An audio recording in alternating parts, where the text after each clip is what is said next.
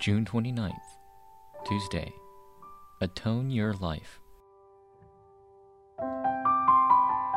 Exodus chapter 30, verses 11 through 16.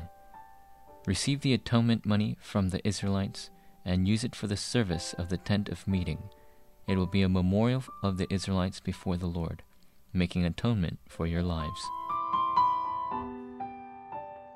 By God's grace, salvation is freely given to those who believe it. It is not that there is no value, but because no life is capable of paying such a tremendous amount. God made the requirement for salvation faith.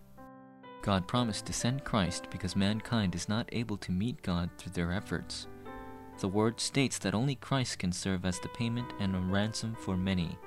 Mark chapter 10 verse 45. Christ is the only way to meet God. Number 1. Census of all people in the population. God commanded a census of all the people in Israel. What was the reason? It was in order for Israel to become one. The gospel is a spiritual science as well as the spiritual truth. God revealed his work age by age when one person held on to the gospel. However, when the people of God come together in prayer, there is no other force that can overcome it. When the Israelites moved as one centered on the tabernacle and followed the Ark of the Covenant, God guided them with a pillar of cloud in the morning and a pillar of fire at night. Also, the Jordan split, the wall of Jericho crumbled. God desired for the Israelites to be aware of the blessings they had received. God's method is the oneness among those possessing the covenant. Number two, temple tax and atonement money. A census is a fundamental duty when gathering an army or collecting taxes.